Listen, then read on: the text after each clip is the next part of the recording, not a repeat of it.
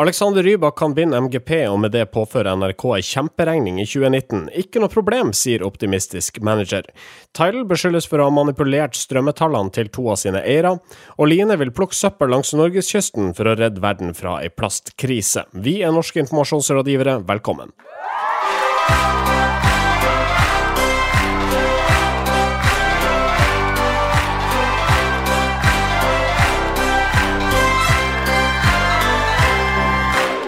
Mitt navn er Marius Staulen. Denne sendinga presenteres av medieovervåknings- og analyseselskapet Retriever. Marius Torkelsen, god dag. God dag, god dag. Sindre Holme, god dag til deg. Hei på deg, du. Hei på deg. Og vi går rett på sak. Skuespiller, komiker og musiker Donald Glover slapp denne uka en musikkvideo under artistnavnet Childish Gambino.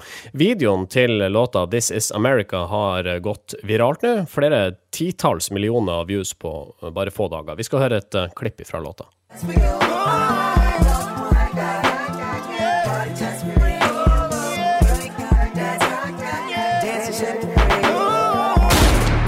This is America. Don't catch you slipping now. Don't catch you slipping now. Look what I'm whipping now. This is America. Don't catch you slipping now. Um, vi kan vel fastslå Altså, nå i denne casten, det er jo ikke en videocast, så får du bare lyd. Vi kan vel fastslå at det kanskje ikke er låta, men videoen som er årsaken til den virale spredninga. Ja, eh, det kan jo virke som om eh, Donald Glover har hørt eh, Vassendguttenes metoo og skjønt at det med samfunnssatire og kritikk er noe som selger streams. Fordi denne, denne videoen spesielt er jo, er jo, er jo veldig altså, satirisk kommenterende på det amerikanske samfunnet. Man hører, dere hørte, hørte jo et pistolskudd her. Jeg anbefaler egentlig å gå inn og se videoen uten å vite så veldig mye om den, for den er ganske sånn oppsiktsvekkende. Men, men, det, men det er veldig mye som foregår i, i, i denne videoen. Eh, og man kan, kan si sånn rent sånn politisk så er jo, er jo, dette et slags sånn betent tema i USA med våpen, eh, våpenlovgivning og, og massakrer osv. Men, men eh, mer sånn videoen i seg selv da, føler jeg er en sånn oppskrift på hvordan lage en viral video. Fordi det er veldig mange elementer her som gjør at den får mange views. Eh, det ene er jo veldig, sånn, noen veldig sterke twister i filmen. Og I tillegg så foregår det ekstremt mye ting i filmen gjennom hele filmen, som gjør at man, hvis man går tilbake og ser den flere ganger, så oppdager man hele tiden nye, nye ting. Ja. Og Det er gøy å påpeke overfor vennene sine at man har sett ting, og kanskje vist det til dem, som gjør at den får spredning. Det, vi, vi, kan prøve å bare beskrive et par elementer i, uh, i denne videoen. og det, det, viktigste er jo da at Donald Glover uh, altså Den overgangen vi hørte mellom denne trivelige nynninga uh, til gitarakkompagnement fra, altså fra det til den rå rappinga, altså det brytes med at han skyter en dude i hodet. Ja, og det, eh, ja, og det er jo Det er ganske sånn sjokkerende overganger her. Eller sånn ganske plutselige overganger. Begynner med sangen, eh, Låta begynner jo liksom sånn der, som en sånn der vestafrikansk tradisjonsmusikk. Eh, Eh, Veldig sak. optimistisk. Ja, ikke sant. Koselig, idyllisk, og så går vi rett inn i liksom dys, det dystopiske USA. Ja. Her, kan du, her, kan det skrives uh, masteroppgaver i mange år framover om denne videoen. For her er det liksom ikke sant? Det er, en, det er et nedlagt fabrikklokale. Kanskje det er en, et, ikke sant, en stål, stålfabrikk i Midtvesten, eller er det en ikke sant, nedlagt bilfabrikk i Detroit? Dette er jo liksom åstedet, og det er, det er av Det er henrettelser, mm. og det er et gospelkor som synger som korer på et parti her, som blir skutt av hovedpersonen. Ja, og så er det jo sånn at uh, um, altså Don Glover går forrest i Altså er alltid i senteret av bildet, har med seg dansere av og til. Fordi de tar så, altså de tar så mye oppmerksomhet av de som seer. Uh, jeg la i hvert fall ikke merke til noe av det som skjedde i bakgrunnen, før jeg leste en artikkel om sangen, og dermed måtte gå tilbake og, og sjekke hva var det som skjedde i bakgrunnen, egentlig. Ja, men det er jo det ja, som er genialt. Sånn, på et eller annet tidspunkt ja. så rir døden forbi på en annen hvit hest. Ja, det er noen referanser til noen bibelvers, eh, bibelvers. Det er, eh, det er, soldater, det er folk men det er jo, som Ja, det er jo, genialt. det er jo eksempel på hvordan man, skal lage, hvordan man bør lage musikkvideo. For man må se den igjen og igjen for å få med seg mer flere og flere detaljer. Det er ikke noe man liksom har sett dette er liksom noe læring her generelt sett, hvis man ønsker å lage bare innhold til internett. da. Sånn der, det der å få folk til å føle seg smarte fordi de oppdager ting, ha en grunn til å dele, ha twister i filmer som bryter med forventning. Dette er sånn, egentlig en sånn klassisk dramaturgi på en måte, men som eh, mange ikke får til da, når de lager eh, viral innhold for, eh, for, Facebook og, og, og YouTube osv. Så, videre. så Så det holder ikke kun å ha lene katter, du må ha liksom en, eller eh, tøy, tøysete katter. Du må ha katter som, som skyter noen, da. Eh, Det er det nye. Ja, det er det nye. Mm. Danny Glover, eh, This Is America ligger ute basically overalt. Uh, du kan se den på YouTube, som svært mange har gjort allerede. Ta en titt på videoen og ta en egen mening. Norske informasjonsrådgivere. Dagens Næringsliv ble kåra til årets beste avis i forrige uke, og eh, hold saken de slapp denne uka vann, så har de så definitivt vist seg tittelen verdig. Sammen med forskere fra NTNU avslørte DN tirsdag at strømmetjenesten Tidal har manipulert lyttertallene til artistene Kanye West og Beyoncé.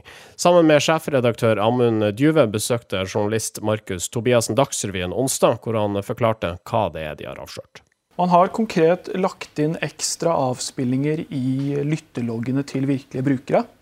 Så hvis du eller jeg er Tidal-kunde, så lytter vi til en sang, og så legges det til én og to og tre ekstra avspillinger av denne sangen. Og hvem har stått bak dette jukset? Det eh, vet vi rett og slett ikke. Det kan vi ikke si per nå. Og motivet er å tjene penger? Motivet er alltid veldig veldig vanskelig å si eh, noe om. Det man kan si, er at eh, disse albumslippene var veldig viktige for Tidal. De var eksklusive albumslipp for noen av deres største artister, og det skaffet dem eh, mye PR. Uh, Beyoncé er altså kona til JC, som da liksom er eieren av Tidal. Kanye West skal også være på eiersida her. Dersom saken til DN holder vann, så uh, snakker vi en kjempeskandale her. Ja, det, det er en eh, kul eh, avsløring. Altså, sånn, eh, hvis, vi kan jo legge bort uh, forbeholdene, sånn, fall når vi snakker. Da, jeg, kan jeg si at det, er, det er et for- forbehold. Det kan jo hende at alt er feil, men, men la oss si at det stemmer. For diskusjonen så antar vi at det har skjedd. Ja. Uh, og sånn sett så er det jo en utrolig kul avgjørelse, eller avsløring, både fordi uh, måten det er avslørt på, er gjennom at da DN har fått tilgang til data fra, fra Tidal sine, sine lytter... Lyttere, ja, ja, brukere. Ja, brukere. Eh, sendt det inn til NTNU og en gjeng med forskere der som har gått, gått gjennom dataen og, og funnet eh, tydelige måtte, indikasjoner på manipulasjon av, av lyt- lytterdataen. Da.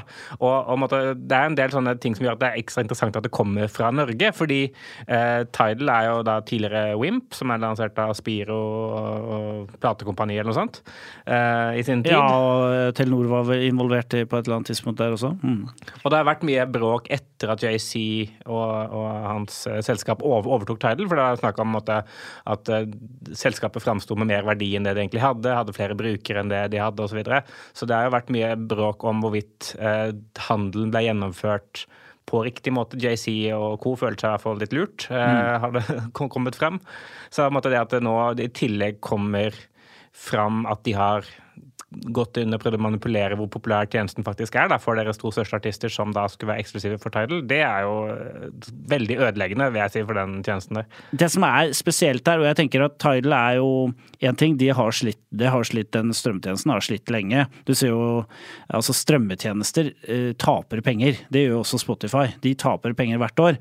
Eh, og du kan jo tenke deg hvor vanskelig det er for en uavhengig tjeneste som Tidal, da. Eh, som ikke for eksempel, Jeg vil jo tro også Apple Music også taper penger, men, men liksom, der har du en eh, helt annen eh, Du har noe annet i ryggen der. Ja, Spotify dominerer jo dette markedet fullstendig. Altså, det, var de, det var de som kom med den første virkelig gode løsninga, og de var alene på markedet over år før et, uh, Wimp etter hvert kom for oss her i, i Norge, og så etter hvert Apple Music. Det er svært vanskelig for disse aktørene å, å, å stjele kunder fra uh, Spotify, kan jeg tenke meg. Ja, det kan tenke meg noe så etablert som Spotify har blitt. Og det, jeg tenker Dette er jo drepende for omdømmet til JC, som jeg tenker lanserte dette som en Robin Hood-aksjon, egentlig. Ja, for Ikke sant? artister. Vi skal gi eh, alle artistene i Sherwood-skogen Eller undersko, musikkunderskogen. Eh, liksom eh, deres eh, De skal få muligheten gjennom denne tjenesten. De skal få sine penger. Det han faktisk gjør, er jo en omvendt eh, Robin Hood-aksjon. Ja. Med å Ja, egentlig ja, stjele fordi- fra de fattige. Fordi, eh, så vidt jeg har forstått eh, modellen, så fordeles inn inntektene ut ifra relativt da, ut ifra hvor mange avs prosentvis avspillinger man har av totalpotten, da, måtte hver artist her. Så hvis da de mest de største artistene måtte få da enda flere lyttere enn det de egentlig fortjener, så går det utover da de minste som skulle få hjelp. Fordi den prosentvise andelen blir lavere for Ja. de små. Mm. Men, men Tidal selv, da, de, de eh, si, de, Måten de, de svarer på, eh, på kritikken, er vel egentlig Jeg vil si at eh, det er Om det ikke er inspirert av Trump, så er det i noe Trump kunne sagt. Eh, Ja, for de sier at det, det, dette er rett og slett en svertekampanje. En svertekampanje, og de sier at eh, DN er Det kan godt hende at jeg har ikke fått med om stemmen, men dette er en svertekampanje fra en publikasjon som tidligere omtalt vår medarbeider som en israelsk etterretningsoffiser, og som over eier som narkodistributør. Ja, da peker det til JC, selvfølgelig. Ja, og JC har også omtalt seg selv som narkodistributør i en del av sine tidligere Og har vel også låter. vært det eh, Og- på et eh, tidspunkt. så, så sånn sett så er vel ikke bare det en som man kan skylde på her. sånn sett. Nei. Ja, Dette er helt latterlig journalistikk. Her kommer det noen journalister og forteller fakta om vår eier. Det er Svertekampanje. Altså det, I hvert fall her hjemme så er jo DN eh, ganske, blir ansett som en ganske troverdig avis, som ikke, som ikke Og spesielt på denne type saker. Da, sånn Graveavdelingen i DN er jo sagnomsust. Og det er imponerende laga, den saken her. Den eh, må leses, eh, egentlig. Og bør oppleves, vil jeg si. For der er, eh, jeg tenker sånn, ok, dette dette er et utrolig godt uh, kildearbeid som er gjort. I tillegg så har de da henta disse forskerne på NTNU, som jo er nøkterne folk, ikke sant. Som sier at jo, det er stor sannsynlighet for at manipulasjonen har skjedd innenfra. Uh, uten at de kan konkludere 100 med at det har skjedd, men, du, men det underbygger jo at her er det masse muffins som, uh, som har skjedd. da. Norske informasjonsrådgivere. Hvis Norge blir vertsnasjon før finalen i Eurovision Song Contest til neste år, må NRK trolig legge 150 millioner kroner på bordet for å finansiere festen, det meldte Aftenposten denne uka. Grunnen til at saken har kommet til overflata, er at Alexander Rybak nok en gang er med i MGP, og jaggu meg er han blant favorittene til å vinne hele greia. Manager Erland Bakke mener Aftenpostens vinkling kun forsurer Norge fra gleden ved å vinne lørdagens konkurranse. Han skriver i kampanje at en vertsby for en MGP-finale kan vente seg halvannen til to millioner besøkende eh, i forbindelse med arrangementet. Ja, eh, Erland Bakke er eh, i harnisk, for å bruke et sånn eh, typisk avisuttrykk, over Aftenposten, som ønsket, har, ønska å problematisere dette her. Fordi at dette er kostbare saker, og tidligere så har NRK måttet omprioritere for å kunne ha råd til å, å arrangere Eurovision. Betydelig også. De måtte jo selge VM, altså fotball-VM-rettigheter eh, for, for å ha råd til å arrangere den forrige finalen i MGP her i, her i Norge. Ja, så, så det får konsekvenser, og penger er Altså 150 millioner kroner er jo, er jo eh, en del penger, da. Ja. Men eh, det Erland Bakke, som for øvrig er kjent for å ha fjernet en nyre på over åtte kilo, og har, er i Guinness rekordbok av det. Eh, han er litt av en type, med andre ord. Eh, han, Nå er han litt mindre av en type etter den nyra. Ja, altså, litt av en type var det, men nå syns jeg han ble, har det blitt smålige saker. Altså, vi, vi hadde jo lyst til å liksom eh, undersøke dette er påstanden hans, som han sier at eh, to millioner besøkende eh, kan det komme til vertsbyen eh, Altså en by som har vunnet, eh, som har arrangert MGP. Ja, det høres jo veldig mye ut, da. Det er veldig mye! For vi så litt på dette her fordi at Vi så på tall for Innovasjon Norge og SSB, som, for at dette er sånn dette er sånn gjenganger når det diskuteres om Norge skal arrangere OL eller Eurovision eller hva det er. Ikke sant? Ja, det er så enorme etterbrukseffekter av dette. ikke sant? Vi kommer til å tjene så mye, vi får så mye positiv PR og så mye turisme. Men ikke sant, turisme turisme i, i Norge så er ikke turisme så veldig stort sammenlignet med, alle, med land, andre land i Europa. Det står for 4,2% av BNP, Eh, og det er relativt, relativt lite. Uh, Og hvis vi ser på Oslo, um, så hadde Oslo Dette er tilbake i 2015, men jeg regner med at økningen ikke er sånn astronomisk hvert eneste år. og Da hadde 1,8 millioner gjestedøgn fra utlendinger. Og jeg tenker 1,8 millioner gjestedøgn. Og hvis han påstår at det liksom øker med to millioner, vil jeg si at Eurovision det dobler eh, antall besøkende til Oslo hvis vi vinner eh, Eurovision, og det tror jeg rett og slett ikke noe på. Så det, det her var nesten en faktasjekk, det her. Nesten, altså. Faktisk.no slash eh, Nearcast.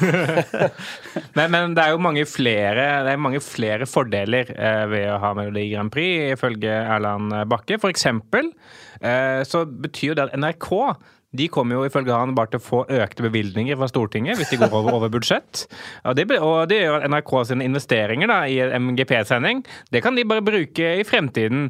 Og ikke bare så de kan kjøpe nytt utstyr og sånn, f.eks. nye kameraer, eh, mener han. Eh, det er utstyr NRK kan bruke lang tid fremover til å lage andre programmer. Og i tillegg så kommer NRK til å få masse nødvendig kompetanse til å gjøre større arrangement enda bedre. F.eks. VG-lista på Rådhusplassen. Ikke sant? Tenk hvor bra VG-lista kommer til å bli etter at vi har hatt MGP og NRK endelig har fått litt erfaring. Men han, han syns i hvert fall at eh, det er litt irriterende at, at eh, Aftenposten eh, skal fokusere på de negative sidene, som f.eks. kostnad eh, ved å arrangere MGP, og ikke bare hvor utrolig gøy det blir med MGP inn i Oslo. Dere. Eh, det blir jo som den norske finalen, bare mange mye større. Eh, ikke sant? Så, så, så det syns han er dårlig. Men det er jo en absurd, eh, altså en absurd ting å prøve å ta Aftenposten for, at, at de belyser altså de økonomiske aspektene ved eh, det å arrangere en MGP-finale. For det er da eh, altså det er jaggu meg en viktig del av regnestykket. Ja, man skulle jo tro det at det er sånn eh, og, det, og det påvirker jo ikke meg. Altså sånn Når jeg sitter og ser på MGP på, på lørdag, eh, hvis eh, Rybak går til finalen, så blir ikke jeg mindre glad fordi det koster NRK mye penger å arrangere. Så det er ikke som om altså MGP-entusiastene, da, da regner jeg med meg selv, eh, blir mindre gira av en eventuell seier. Det blir ikke sånn 'Å, men jeg leste i Aftenposten at det blir for dyrt'. Det på, påvirker ikke livet mitt i det hele tatt. Nei. Det, det, det er synd for NRK.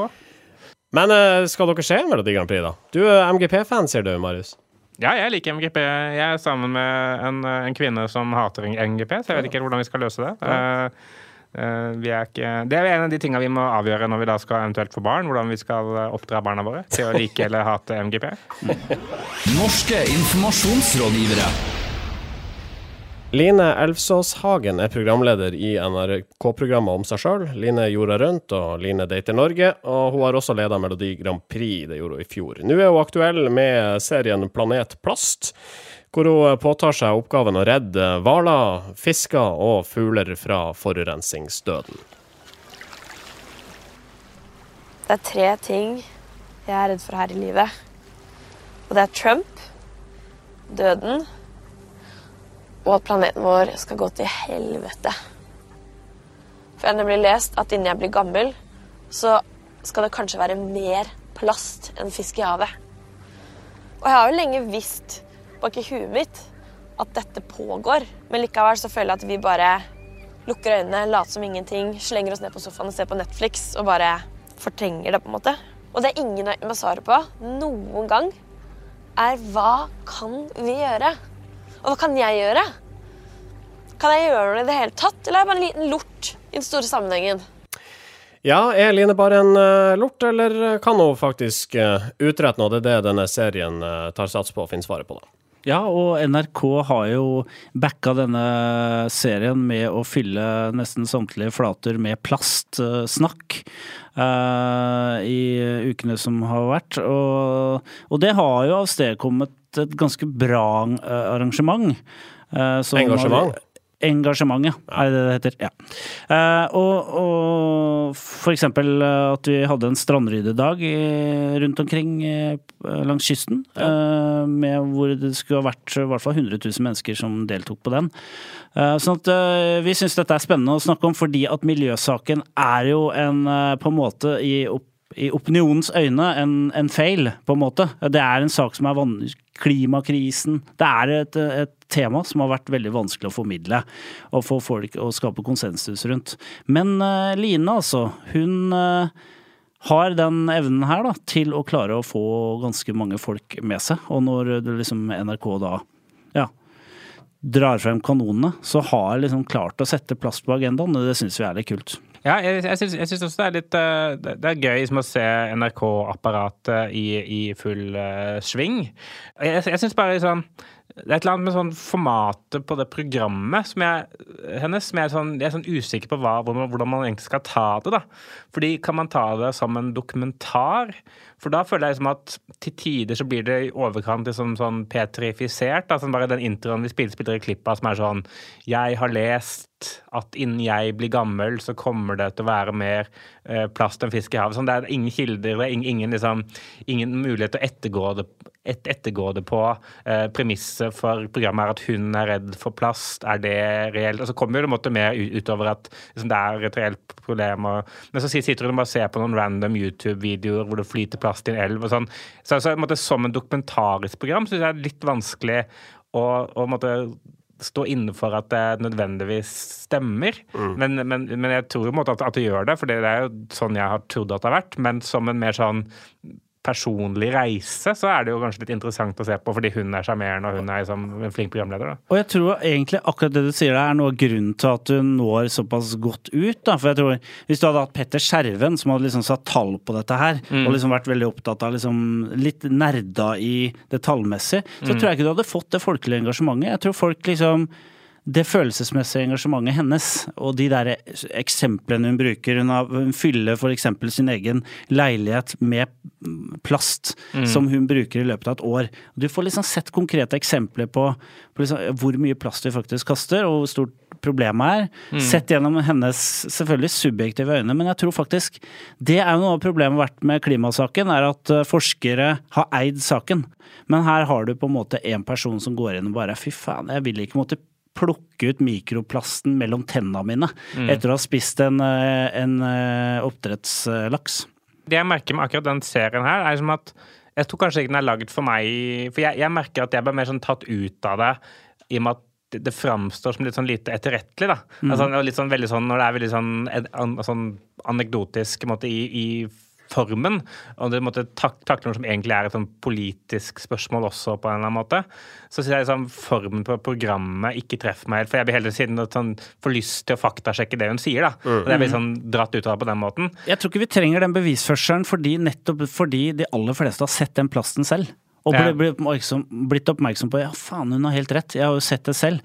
På stranda, eller jeg, var, jeg bada i Syden, eller hvor det har vært. Det er plast overalt. Men hvis, hvis temaet hadde vært, vært noe annet, da, så hadde, hvis liksom, eh, temaet hadde vært sterkt innvandringskritisk da, bare sånn, eh, Det jeg frykter mest i verden, det er eh, Kristin Halvorsen og eh, muslimer. Og når jeg går og reiser rundt i Norge, så ser jeg stadig flere muslimer. Så blir en måte, hele programmet lagd på den måten. Så det, er sånn der, det er fordi tilfeldigvis måte, plast er Det er, det er ikke en- mennesker. Nei, det er, det er ikke Nei. mennesker. Ikke sant? Og, og, liksom, men, men jeg tenker sånn, den måten å ta et ganske politisk betent tema på, og gjennom Statskanalen lage et program som er basert på én persons erfaringer, eh, er litt sånn interessant. da, At, liksom, at, eh, at det ikke er noe debatt rundt det, på en måte. Norske informasjonsrådgivere. Helt på tuppen her, nominasjonskampen til kommunevalget neste høst er i gang, og i Hvaler vil Høyre ha Farmen-kjendis Marita Vennevold som ordfører. Men ifølge Fredrikstads Blad anklages hun for å ha juksa med CV-en sin. Eh, noe som selvsagt ikke er særlig ordførersk oppførsel, men eh, Vennevold skylder på LinkedIn. Ja, eh, det er jo artig, syns jeg, å kunne reise til Hvaler, mitt ja, lokalmiljø, eh, for å, for å se på en liten sak der. Og det hun sier, da, er jo at eh, det er en funksjon i karrierenettstedet LinkedIn som gjorde at hun automatisk ble oppført med en bachelorgrad hun vitterlig ikke hadde. Og det har nå Fredrikstad Blad lovt at de skal undersøke nærmere. Så får vi se da hvordan eh, nominasjonskampen der egentlig ender, da. Det er, jo fortsatt et, et legitimt forsvar, fordi måtte, mye av teknologi er fortsatt såpass nytt at liksom, eh, det der å bare si at man selv er teknologiinkompetent, det holder, jeg tror det holder som liksom forsvar i ti år til. Men så blir det sånn der, Ja. så kommer alle til å være sånn Nei, nå må Ja. du faktisk forstå LinkedIn. Det kjøper vi ikke lenger, liksom. Altså, du, du vet ikke hvordan du satte inn liksom, kontakten i støpselet? Eller, eller sånn altså, Ulf Leirstein. Sånn, jeg trykka på en link jeg ikke visste. Ok, det er greit, du er gammel, eh, du sendte porno ved et uhell, men om ti år, da går ikke det lenger, liksom. Ja, altså det, det, det er jo litt pussig at, at uh, det distriktet her, da, mitt hjemdistrikt, det har en liten tradisjon for sånne type påstander. For jeg husker jo uh, for noen år siden så var det en Frp-kandidat til altså ordførervervet i Fredrikstad kommune som uh, hadde på seg en angivelig hadde på seg en genser med Bandidos-påskrift. Og som verserte litt rundt i sosiale medier. og Hun påsto at det bildet var manipulert. Ja. Hun har aldri hatt på seg en genser med Bandidos, og det ble heller aldri, der var også Fredrikstad Blad inne og sa at ja, det skal vi undersøke nærmere. Og der var det faktisk bilde Altså for, forskere inne og så på, kunne ikke si at dette var manipulert. eh, Altså, hun, hun var Hells Angels-medlem, så Så ja, ikke sant. Hun var definitivt på den riktige aldri hatt siden med der. Bandidos, Mm, eh. mm. Vi skal sette en strek for uh, dagens sending. Vi har funnet ut at vi eh, ikke får produsert til neste uke. Det er 16. mai, det er fotballens nasjonaldag. Det er 17. mai, det er jeg vet ikke, barnas eh, dag. Og så er du bortreist, Marius. Ja. Det, blir, det blir for mye, rett og slett. mye gøy. Ja, så vi, eh, vi tar ei ukes eh, pause. Norske informasjonsrådgivere spilles inn i studioene til Moderne Media, en av de største produksjonsselskapene innen podkasting i Norge. Du finner dem på modernemedia.no. Takk også til våre venner hos Kreativt Forum, kreativtforum.no. Um, oss finner du på facebook.com slash nearcast, soundcloud.com slash nearcast, i iTunes og overalt ellers. Sett gjerne en karakter og gi oss et par ord hvis du liker det du hører. Vi eh, høres igjen om to uker, da. Fram til da. Ha, Ha det bra! Norske informasjonsrådgivere.